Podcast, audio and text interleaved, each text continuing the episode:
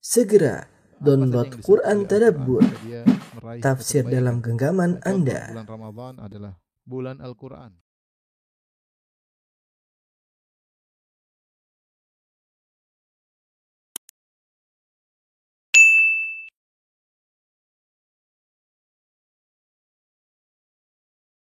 Bismillahirrahmanirrahim. Assalamualaikum warahmatullahi wabarakatuh.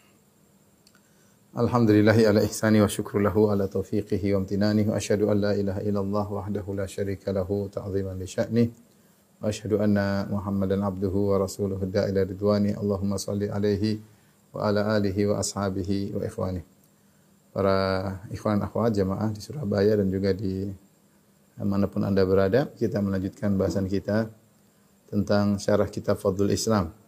Pada pertemuan lalu kita masih membahas topik tentang keistimewaan Islam dibandingkan dengan agama-agama yang lainnya dan sudah kita jelaskan enam perkara yaitu Islam adalah satu yang pertama Islam adalah salah satunya agama yang menyuruh kepada tauhid. Dua, Islam adalah salah satunya agama yang detail dalam menjelaskan sifat-sifat Tuhan secara logis. Yang ketiga, Islam adalah agama yang lengkap. Ya.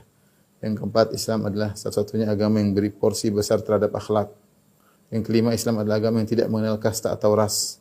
Yang keenam, Islam adalah agama yang menganjurkan untuk memenuhi kebutuhan dunia dan akhirat. Tapi kita lanjutkan ada uh, poin berikutnya.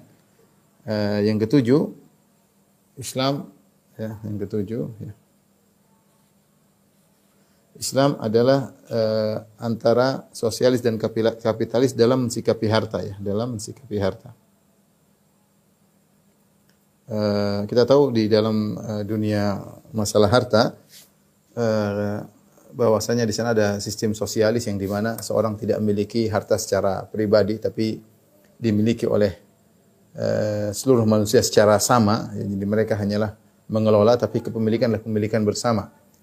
Dan ini tentunya uh, mematikan daya kreasi seseorang dan menunjukkan ketidakadilan karena di sana ada yang bekerja dengan keras, bekerja keras, kreasinya tinggi tapi nilainya sama dengan yang lainnya ya.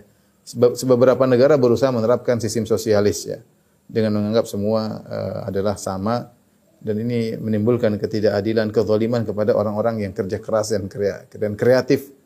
Namun pada hakikatnya negara-negara tersebut pun tidak bisa menjalankan sistem sosialis karena tetap saja ada strata.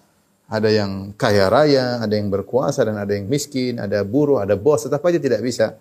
Ya itu hanyalah sosialis bagi uh, sebagian orang dan tidak pada sebagian yang lainnya. Demikian juga ada sistem kapitalis, sistem kapitalis di mana uh, apa namanya? setiap orang berhak memiliki harta sebebas-bebasnya ya. Dia memiliki apa pun tidak ada batasan tidak ada aturan dia mutlak bebas menggunakan hartanya yang dia uh, uh, sukai.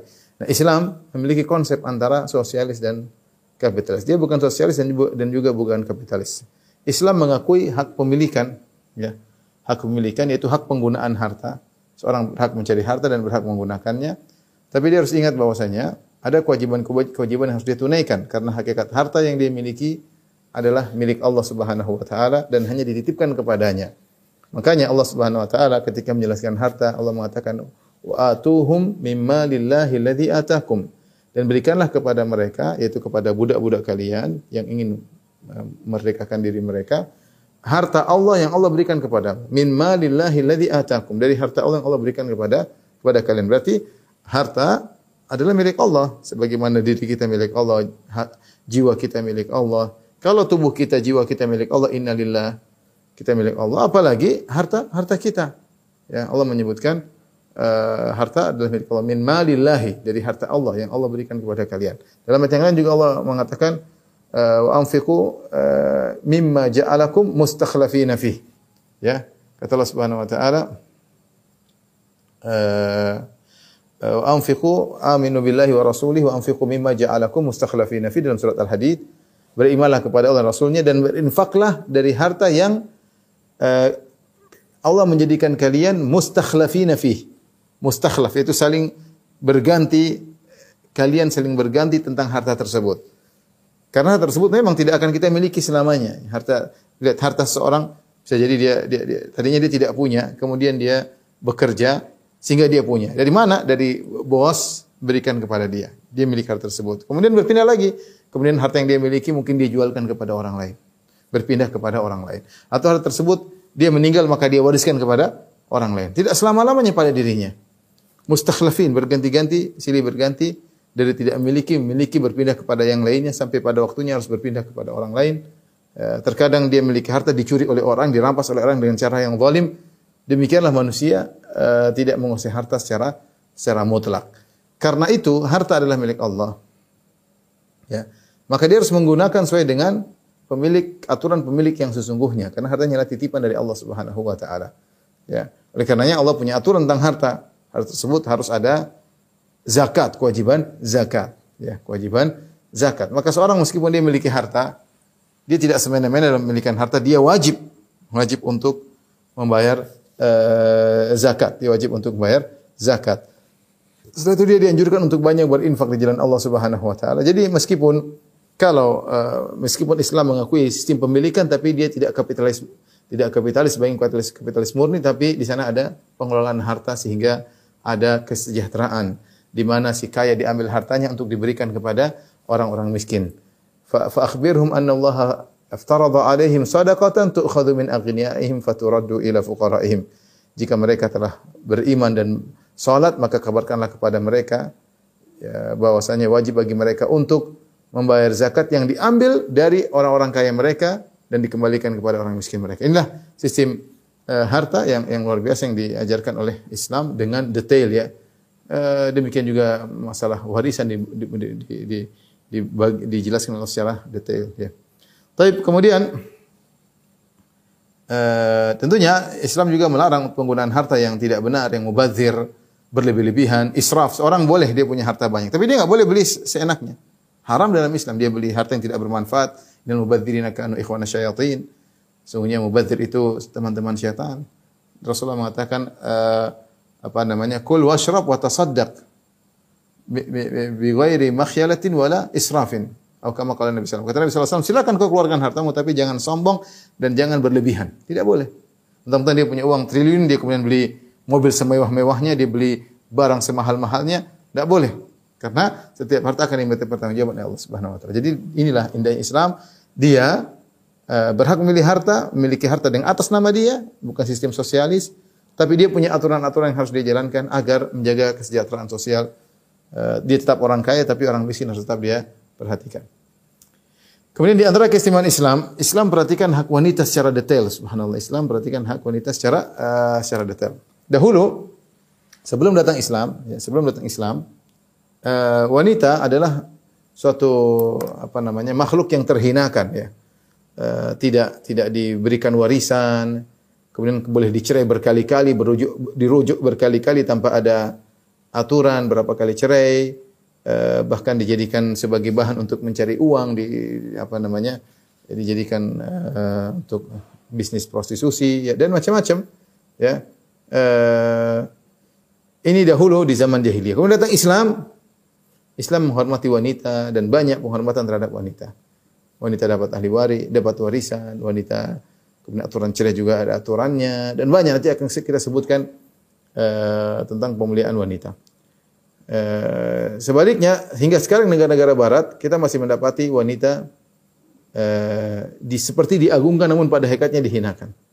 Seperti propaganda bahwa si wanita harus sama dengan laki-laki, ya, disamakan dalam segala hal, ya sampai kerja bersaing sama laki-laki, kemudian lebih parah dijadikan sebagai bahan jualan, ya baik sebagian jualan, bisa disentuh oleh siapa saja, boleh dinikmati keindahan tubuhnya oleh siapa saja. Jadi wanita murahan di di, di, di negara bebas sana, negara bebas menampakkan aurat mereka, bebas di, dicampakkan oleh para laki, ya Eh, seperti barang jualan yang bisa dijamah oleh siapa siapa saja. Wanita seperti oto seperti bis yang bisa dinaiki oleh siapa saja.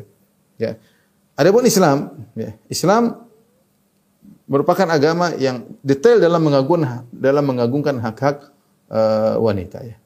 Kita sering sampaikan bahwa Islam memandang wanita bukan merupakan kompetitor bagi lelaki ya, bukan pesaing, tapi dia adalah partner bagi lelaki. Sehingga Islam tidak memandang persamaan laki-laki dan wanita dalam segala hal.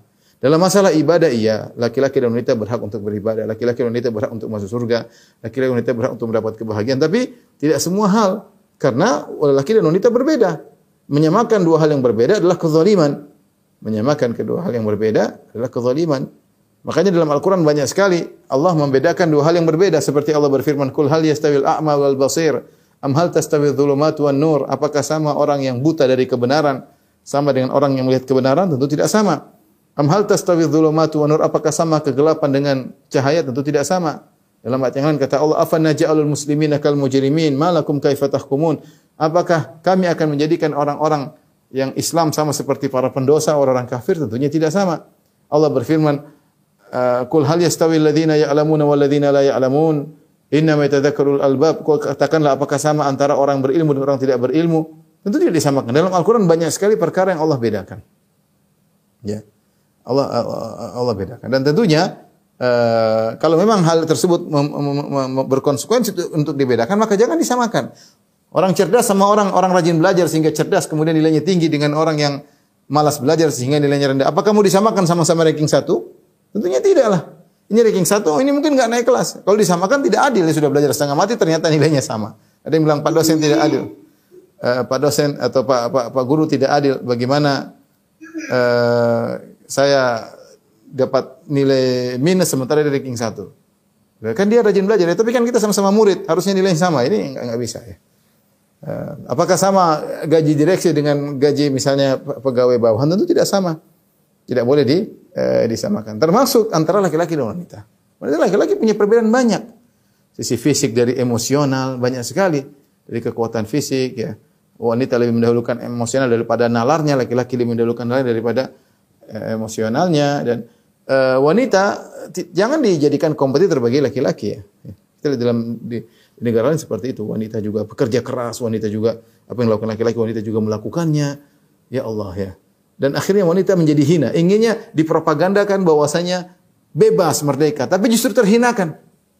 Mudah disentuh, mudah dilihat, siapa saja bisa menikmati tubuhnya, siapa saja bisa menyentuhnya. Saya katakan tadi seperti uh, bis yang bisa dinaiki oleh siapa saja ya. Tapi Islam tidak, Islam membedakan laki dan wanita. Wanita dengan kelembutannya dibutuhkan di rumah dalam di rumah, mengurus anak-anak, eh, kelembutannya disenangi oleh lelaki, ya. Kekurangannya di situ malah menjadi sempurna bagi dia. Kekurangannya dengan manjanya, dengan perasaannya didahulukan daripada nalarnya, di situlah kesempurnaan wanita. Disukai laki-laki suka wanita seperti itu. Laki-laki suka wanita yang lembut, laki-laki suka, dan itu dibutuhkan untuk mengurus anak-anak, dibutuhkan untuk apa namanya kesabaran mengayomi anak-anak. Itu tidak bisa dilakukan laki-laki, tidak bisa. Bisa ada seorang, saya pernah cerita di, di Idaatul Quran, ada seorang laki, dia ingin ingin tahu bagaimana repot ibunya ketika dia masih kecil.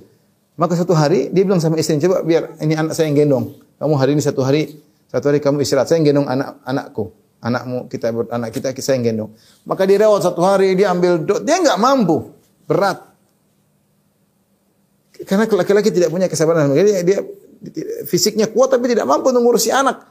Ibu yang mampu, ibunya yang yang mampu. Maka uh, wanita dengan dengan kelembutannya di, di, di, butuh perlindungan, diletakkan pada tempatnya, bukan diumbar kemudian jadi barang uh, kenikmatan yang dinikmati oleh uh, siapa saja. Ya.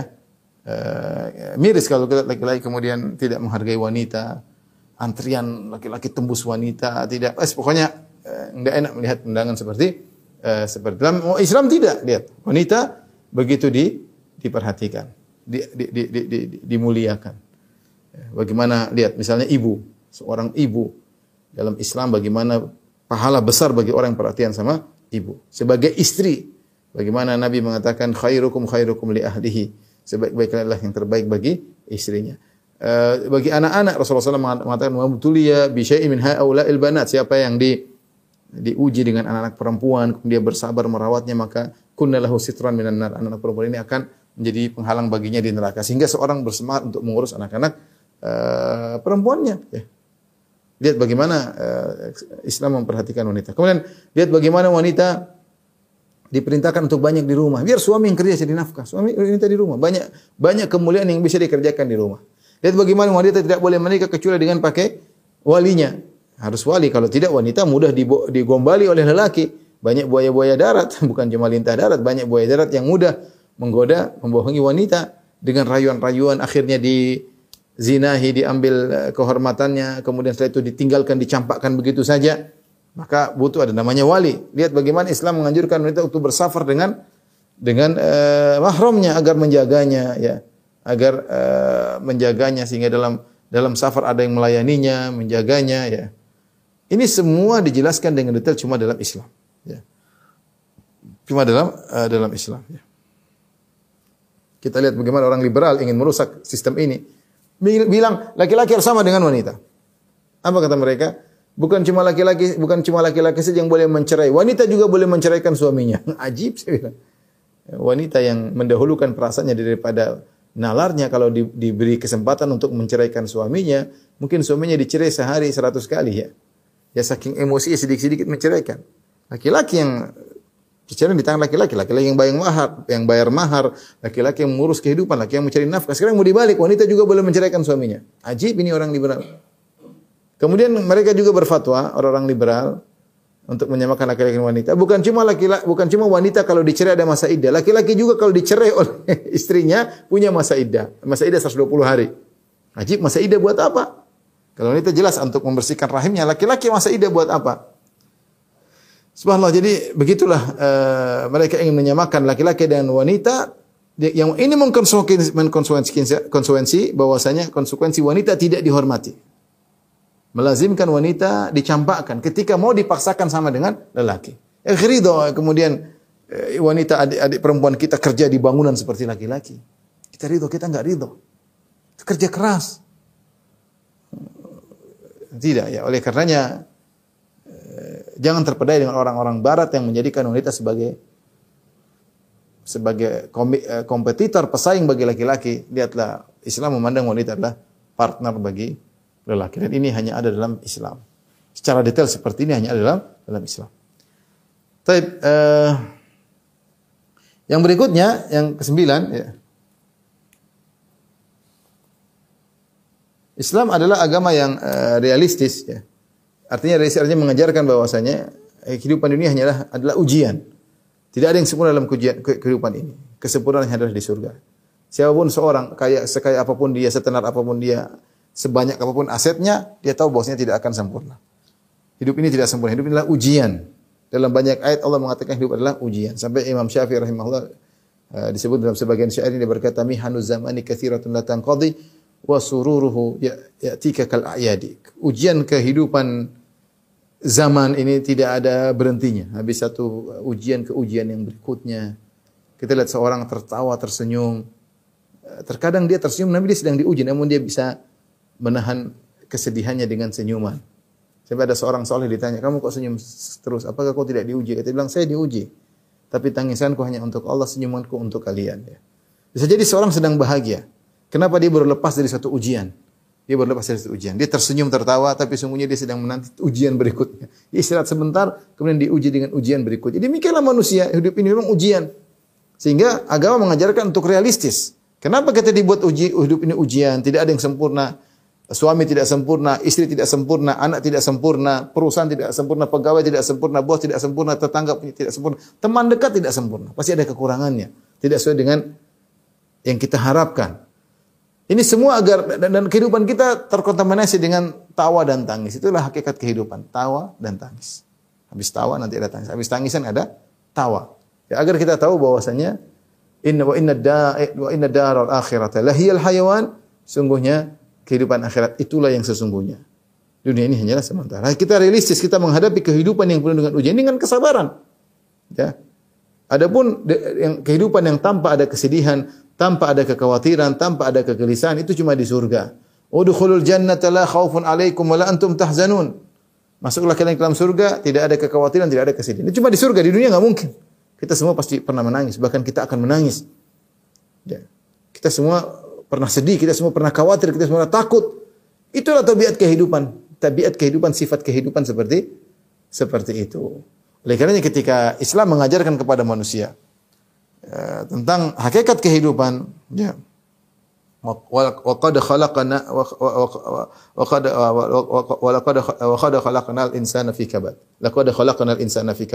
Sungguh kami telah ciptakan manusia dalam kepayahan. Allah jelaskan laqad khalaqnal insana fi kabad agar manusia sadar bahwa memang kehidupan seperti itu penuh dengan kepayahan. Sehingga ketika Islam mengajarkan kita harus realistis menghadapi kehidupan ini, maka seorang muslim harusnya bersabar, kuat. Maka saya katakan Hanya Islam yang detail menjelaskan seperti ini.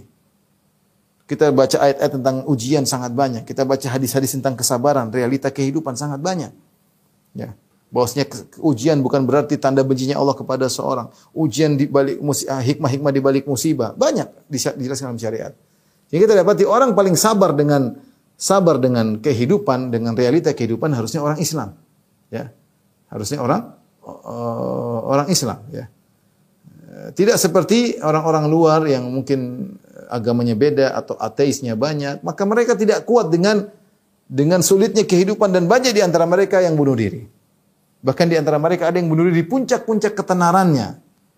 Sebagian artis, sebagian penyanyi bunuh diri di puncak ketenarannya. Kenapa? Kelihatannya dia bahagia, tapi tidak bahagia dan tidak kuat menghadapi sedikit ujian. Tidak kuat bunuh diri. Dia menyangka bahwasanya kalau dia bunuh diri selesai selesai uh, penderitaannya, tidak dia masuk pada penderitaan yang lebih besar yaitu di neraka di alam barzakh di azab azab kubur. Makanya kita lihat uh, di negara-negara lain tingkat tingkat tingkat kematian sangat besar ya. Maka saya pernah baca uh, lebih kurang ada 800 ribu orang yang bunuh diri setiap tahunnya. 800 ribu banyak sekali. Ini yang berhasil bunuh diri. Yang gagal bunuh diri lebih banyak lagi. Ya. Ada orang Islam juga yang bunuh diri ada, tapi sedikit. Artinya mereka tidak belajar Islam dengan sesungguhnya. Kalau mereka belajar Islam sesungguhnya, mereka tidak akan demikian. Karena Islam sudah menjelaskan dengan detail bahwasanya agama Islam adalah agama realistis menghadapi kehidupan dunia ini. Tapi di antara keistimewaan uh, Islam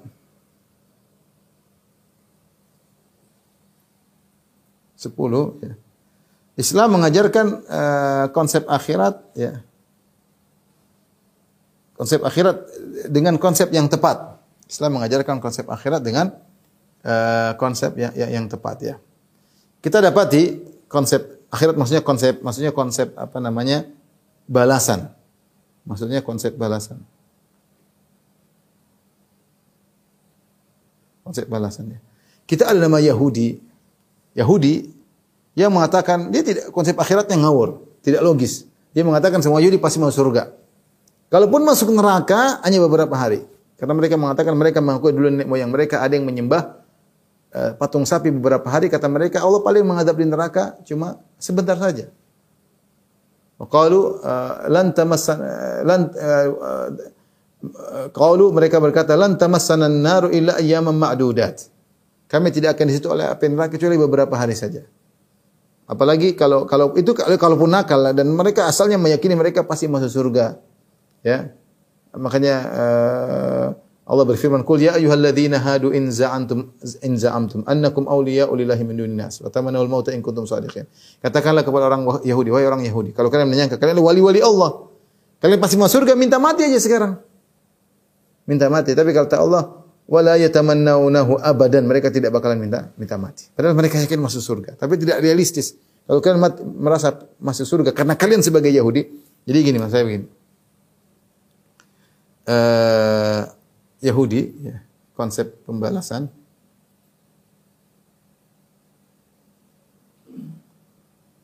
Pembalasan. Pembalasan dari perbuatan. Hanya Islam yang logis, lihat ya.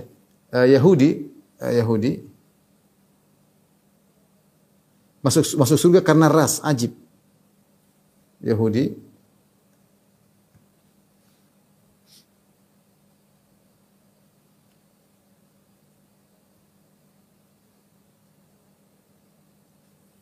Yahudi itu masuk surga hanya sekedar hanya sekedar karena ras. Karena ras Yahudi. Tidak logis ya. Nah, kalau nggak Yahudi terus bagaimana? Kalaupun masuk neraka hanya beberapa hari. Kalaupun masuk neraka, ini nggak logis. Hanya beberapa hari. Qalu lan tamas dzalika bi annahum qalu apa lan tamas intinya qalu lan tamas nar ila ayyam ma'dudat kita kembali misalnya Nasara ya uh, Nasara Nasara konsep uh, masalah pembalasan tidak tidak jelas pertama ada dosa turunan Ini aneh. Ya. Kalau Islam tidak ada wala taziru waziratu wizra ukhra.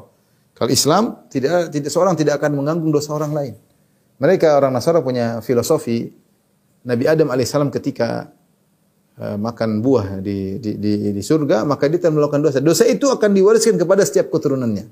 Ada dosa turunan, dosa turunan Adam alaihissalam kepada seluruh keturunannya. Baik, ini sudah tidak tidak logis. Bagaimana yang lain ikut salah sementara yang bersalah adalah Adam. Yang kedua, eh, yang bisa tebus hanya anak Tuhan, yaitu Isa. Anak Tuhan yaitu Yesus. Anak Tuhan itu Isa. Isa alaihissalam. Isa alaihissalam. Taib. Kita tanya sama orang Nasara bahwasanya dosa itu ada dua. Kalau begitu klasifikasi dosa, klasifikasi dosa menurut Nasara, karena mereka pede sebagian mereka, saya nggak bilang semua tapi sebagian mereka sangat pede masuk surga, mereka mengatakan Islam tidak menjamin, kami menjamin. Klasifikasi dosa menurut Nasara berarti kan ada dua, berdasarkan ada dua. Dosa turunan, dosa perbuatan sendiri. Kita tanya, ya, uh, kita tanya kepada mereka. Nabi Isa alaihissalam ketika datang di salib, dia sedang menebus dosa yang mana? Dia sedang dosa, dosa turun yang disebut ya, Nabi Nabi Isa menebus dosa yang mana? Dia kata juru selamat. Tebus dosa yang mana? Kalau itu dosa turunan, Ah saja. Dosa itu tidak dibandingkan yang dosa perbuatan. Dosa perbuatan sendiri banyak. Ada orang berzina, merampok, orang Nasara, ada yang membunuh, ada yang ini, ini, macam-macam. Tapi kalau mereka bilang Nabi Isa menebus seluruh dosa, sehingga yang beriman kepada Nabi Isa pasti masuk ke sangat tidak logis. Kalau yang dimaksud dosa yang mana? Perhatikan. Kalau hanya dosa turun, maka fungsi fungsi fungsi Nabi Isa itu kurang kurang kurang hebat. Maka fungsi tebusan kurang hebat. Fungsi menebus eh, kurang kurang kurang manfaat. Kenapa kurang manfaat? Ya. Karena dosa perbuatan sendiri jauh lebih besar daripada sekedar dosa memakan buah. Karena dosa turunan tidak sebanding dengan dosa-dosa sendiri. Percuma kalau hanya sekedar menebus dosa turunan. Sementara kita tahu dosa-dosa yang banyak, kecuali dianggap uh, kecil, enggak dosa-dosa banyak ya. Tapi kalau yang dimaksud adalah menebus seluruh dosa, kalau maksudnya menebus seluruh dosa, Maka ya maksiat sebanyak-banyaknya nggak ada masalah. Ini tidak logis. Maka ya kelazimannya maksiat sebanyak-banyaknya juga tidak masalah.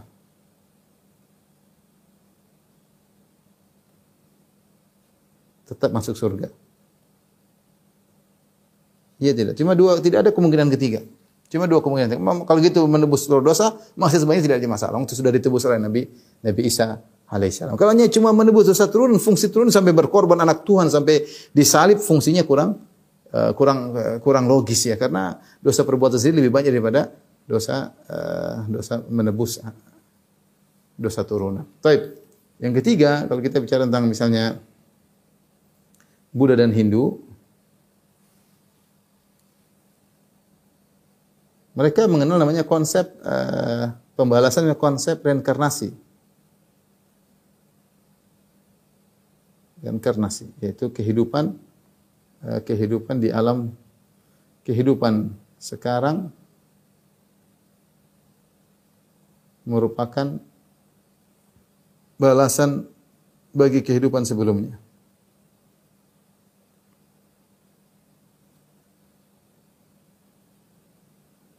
Jadi kalau ada seorang sekarang melakukan maksiat, nanti dia dia akan dia akan mati kemudian dia dimas, dipasang ruhnya kepada jasad berikutnya sesuai dengan amalannya sekarang. Kalau dia baik mungkin dia akan ditaruh di jasad orang yang lebih mungkin lebih tampan, mungkin lebih soleh, lebih nikmat.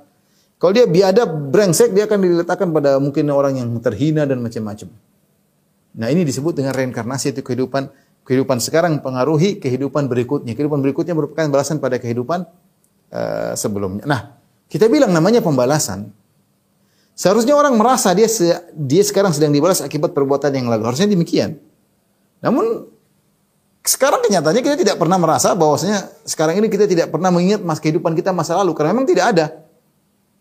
Namanya namanya konsep pembalasan itu dia baru merasa itu dibalas kalau dia ingat apa perbuatannya. Baru dikatakan ini balasanmu karena kau dulu di alam kehidupan sebelumnya kau begini-begini. Tapi kenyataannya tidak ada yang ingat. Kamu tanya sama orang Buddha, seorang Hindu, kamu dulu sebelum kehidupan sebelum jadi apa? Enggak ada yang tahu. Kalau gitu konsep pembalasannya tidak tepat. Beda kalau konsep Islam, orang dimasukkan di alam barzah dia ingat apa perbuatannya. Makanya dia diadab. Apalagi masuk neraka, masuk surga, dia ingat apa yang dilakukan dahulu. Sehingga itu namanya konsep pembalasan yang benar. Dia tahu akibat perbuatannya. Ya. Jadi kalau kita bicara konsep pembalasan, maka ketiga ini tidak tidak tidak tidak pas. Islam jelas Islam mengajarkan wala taziru waziratu wizra ukhra. Seorang tidak akan mengurus orang lain. Wa allaisa lil insani illa ma Tidak ada bagi seorang manusia kecuali apa yang dia kerjakannya. Apa yang dia kerjakan dia akan mendapatkannya. In ahsantum ahsantum li anfusikum. Kalau kalian berbuat kebaikan maka untuk diri kalian. Sa'atum falah. Kalau kalian berbuat keburukan untuk kalian. Ya. Wa may yashkur fa inna yashkuru nafsi. Siapa yang bersyukur maka dia bersyukur untuk dirinya sendiri. Ya, ini, ini maksud saya uh, konsep pembalasan ini uh, jadi konsep Islam indah Islam. Kalau Islam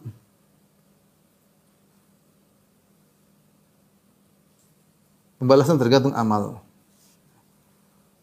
Balasan bergantung pada amal sendiri.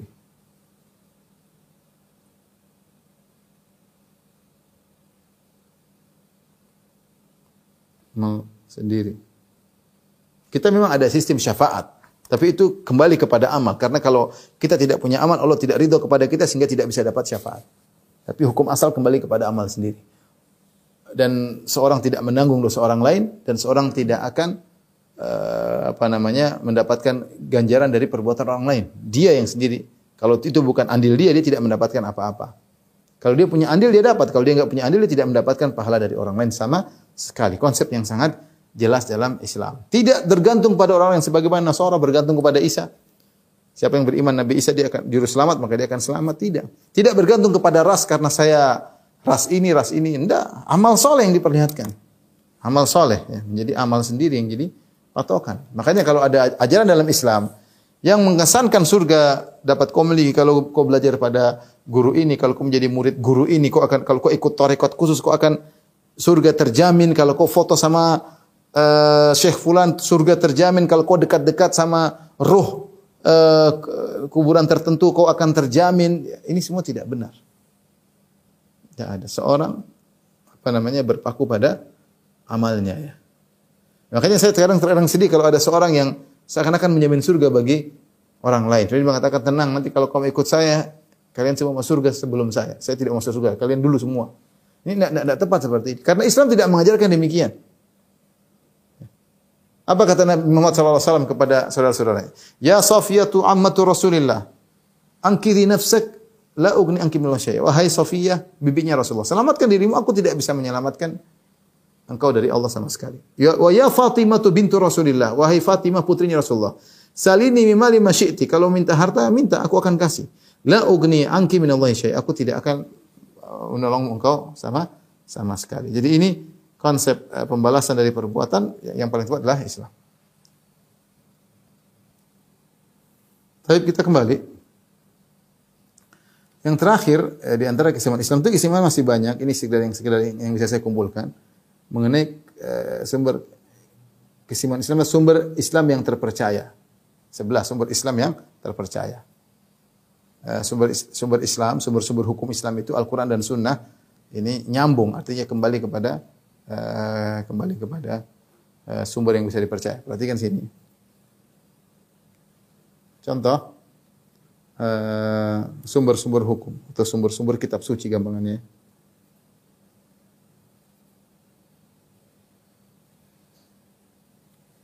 Eh, kita bicara misalnya Yahudi Taurat. Yahudi. Eh, catatannya Taurat pernah hilang, sanatnya tidak ada, sanatnya hingga ke Musa alaihissalam tidak ada. Tidak ada perawi, tidak ada yang yang sahih. Ya, semua diragukan. Artinya sebagian ulama mengatakan sanad Taurat kalau dalam ilmu hadis Islam ini sanadnya maudhu ya, sanadnya tidak bisa dipercaya. Ya. Sanadnya dhaif atau ya bahkan sebagian mengatakan palsu karena nggak bisa dipercaya. Karena dia tidak jelas. Taurat pernah hilang, kemudian tiba-tiba muncul. Sehingga kalau kita lihat Taurat ada surat-surat yang diperselisihkan. Ya. Ada ada yang sepakat pada lima surat, ada yang tambah surat yang ada yang diimani, ada yang tidak. Perjanjian lama ini ada khilaf. Tidak semua sekte Yahudi menerimanya. Ada sebagian sekte yang menerima sebagian, ada sekte yang menerima lebih banyak. Namun kalau dia tanya mana sanatnya sampai ke Nabi Musa, mereka tidak akan bisa hadirkan. Anfulan, anfulan, anfulan, anfulan, sampai Nabi Musa. Bahkan dalam uh, sebagian uh, perjanjian lama disebutkan bahwasanya seakan-akan yang yang menyampaikan bukan Musa. Sampai dikatakan maka meninggallah Musa di suatu daerah yang sekarang tidak seorang pun tahu kuburannya. Ini menunjukkan bukan ini bukan perkataan Musa, tapi ada orang yang cerita tentang Musa. Kitab suci kan bukan kitab suci ya Allah kasih tahu Musa, wahai Musa, wahai Musa, wahai Musa. Atau Musa bercerita, kemudian aku bertemu dengan Allah atau bagaimana. Tapi kalau ada orang ketiga yang cerita, maka meninggallah Musa alaihissalam di suatu daerah yang tidak seorang pun tahu kuburannya di mana. Iya berarti ya repot. Ya, ini contoh. Contoh uh, Nasara ya uh, Injil ya. Sama tidak ada sanatnya. Khilaf yang kuat. Injil banyak ya. Injil-injil itu banyak. Lebih banyak yang tidak diakui. Jadi mereka rapat orang gereja, kemudian banyak Injil ini, Injil ini, Injil misalnya yang tidak diakui Injil Barnabas, banyak Injil sih banyak sih. Disebut istilah Injil yang tidak diakui.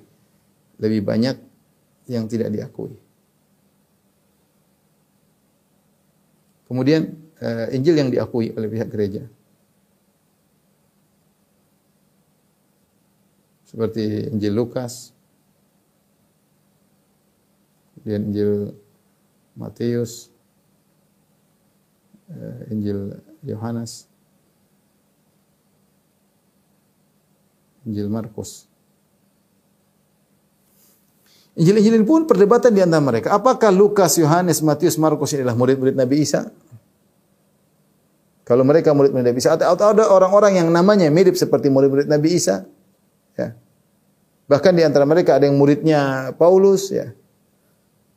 Baik, jadi sanatnya tidak sampai kepada Nabi Isa. Tidak, mereka tidak bisa mendatangkan sanat, ya. Tidak ada tidak ada sanat yang sahih dari Nabi Isa. Alaihissalam. Apalagi kalau kita bicara misalnya agama lain, ya, Hindu, Buddha, tentu apakah ini kitab suci Tuhan, ya tentu pembahasannya panjang lebar. Tapi kalau kita bilang Islam, Islam, Al-Quran, sumber kita Al-Quran dan As-Sunnah. Al-Quran sanatnya mutawatir. Sanatnya uh, mutawatir. Mutawatir itu yang meriwayatkan sangat banyak sehingga tidak mungkin berdosa. Banyak sekali yang meriwayatkan Al-Quran. Kita sekarang yang punya sanat saja banyak banget sampai sekarang. Adik-adik kelas kita, uh, apa namanya, banyak sekali teman-teman kita punya sanat Al-Quran. Sanatnya sangat banyak. Kembali kepada para sahabat yang banyak kembali kepada Nabi Shallallahu Alaihi wassalam kepada Jibril kepada Allah Subhanahu wa taala. Ya, kalau as-sunnah yaitu yang disandar kepada Nabi. As-sunnah maksudnya yang disandarkan kepada Nabi. Nabi sallallahu alaihi wasallam. Maka ini klasifikasi ada yang sahih, ada yang dhaif. Dhaif juga beda-beda, ada yang mudhu, palsu, Kemudian ada dhaif jiddan, sangat dhaif. Ada yang dhaif biasa. Dari mana ketahui ini? Karena dalam dalam Islam bagaimana diketahui ini semua sahih, dhaif? Ya, karena dalam Islam ada namanya ilmu sanad dan ilmu jarah wa, wa. Jadi karena dalam Islam ada ilmu sanad. Lau, kata salah seorang salaf Ibnu Sirin, al isnadu minad din, sanad itu bagian daripada agama. Laulal isnad laqala man syaa ma syaa. Kalau bukan karena ada isnad, maka setiap orang bebas siapa pun bebas melakukan apa yang dilakukan. Nabi pernah bilang gini, Nabi pernah bilang gini. Harus ada sanadnya. Mana sanadnya sampai Nabi? Sammulana rijalakum. Sebutkanlah mana sanad kalian, rawi-rawinya mana. Sehingga setiap rawi pasti ada biografinya. Pasti ada biografinya. Kalau ada rawi hadis, perawi hadis, tidak ada biografinya, maka hadis majhul, hadis hadis dhaif. Hadis dhaif. Dalam ilmu Islam ada namanya ilmu sanad ya, dua. Ilmu riwayat, ilmu dirayat, bahkan contohnya ilmu misalnya ilmu ilmu sanad saja misalnya ilmu mustalah. Soal ini penting, apakah nyambung atau tidak sanatnya. Yang kedua namanya ilmu jarh wa ta'dil. Al-jarh wa ta'dil. Ini terkait biografi rawi eh, apa apa kredibilitas rawi bukan iya jar wa ta'dil tentang kredibilitas para perawi. Dia bisa diterima hadisnya atau tidak, dia pendusta, pelupa dan yang lainnya. Ini tidak ada dalam Islam. Makanya kita bilang kalau sumber kitab suci atau sumber hukum-hukum uh, Islam, maka terjamin karena Islam sumbernya Al-Quran dan Sunnah dan terpercaya bisa dibuktikan keotentikannya beda dengan agama-agama yang yang lain. Baik. Uh, tentu masih banyak ya, kesempurnaan-kesempurnaan Islam ya.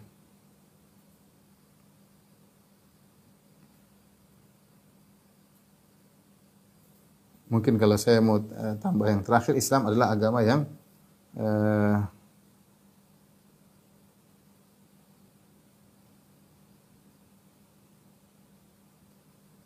Ya, ini. Uh, 10 11 eh, artinya Islam ya saya boleh tambah 12 ya. Islam adalah agama yang syariatnya bisa dipertahankan hingga sekarang. Bisa dipertahankan prakteknya.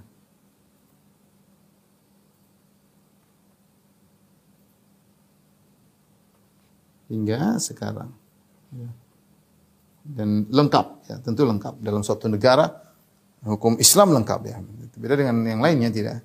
Tidak ada paling hanya sekedar mungkin masalah keyakinan atau masalah akhlak, tapi Islam lengkap ya karena sudah pernah kita jelaskan komprehensif, tapi pengamalannya bisa dipertahankan hingga sampai sampai sekarang.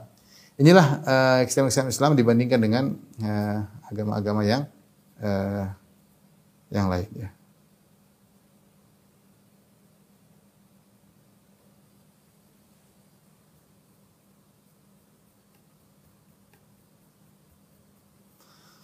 Taib, akhwat yang subhanahu wa ta'ala. Kita masuk dalam kitab Fadl Islam. Ya.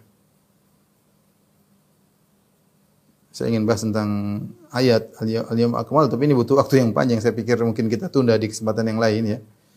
Uh, Syekh Abdul Wahab rahimahullah berkata bab Fadl Islam, bab tentang keutamaan Islam. Kemudian beliau membawakan ayat wa qaulullahi ta'ala dan uh, Allah berfirman al yauma akmaltu lakum dinakum. Pada hari ini aku sempurnakan bagi kalian agama kalian wa atmamtu alaikum nikmati dan aku sempurnakan bagi kalian nikmatku wa raditu lakumul islam madinah dan aku ridha Islam sebagai agama bagi kalian. Kemudian beliau membawakan hadis Nabi sallallahu alaihi wasallam eh, atau ayat yang lain eh, di mana eh, Allah Subhanahu wa taala berfirman wa qaulullah taala. Dan Allah berfirman qul ya ayuhan nasu in kuntum fi syakkin min dini. Wahai manusia sekalian jika kalian merasa ragu tentang agamaku, fala a'budul ladzina ta'buduna min dunillah. Aku tidak akan menyembah uh, apa yang kalian sembah selain Allah. Walakin a'budullaha alladzi yatawaffakum. Akan tapi aku menyembah Allah yang mematikan mewafat kalian. Ini butuh penjelasan yang panjang tentang kesempurnaan Islam. Uh, insyaallah uh, saya pikir waktu nanti terpotong karena butuh pembahasan yang panjang. Insyaallah kita tunda pada uh, kajian berikutnya ya. Allah taala alam bisawab mungkin sampai di sini saja eh, tentang keistimewaan Islam kita sudah jelaskan dalam dua eh, episode. Eh, mungkin sampai di sini saja, eh, Akh Sultan, apa yang saya sampaikan. Insya Allah kita lanjutkan di kesempatan yang lain. Kurang lebihnya saya mohon maaf eh, kepada rekan-rekan di Surabaya dan juga kepada pemirsa di mana pun anda berada. Insya Allah kita lanjutkan di kesempatan yang lain. Wabillahi taufiq. Assalamualaikum warahmatullahi wabarakatuh.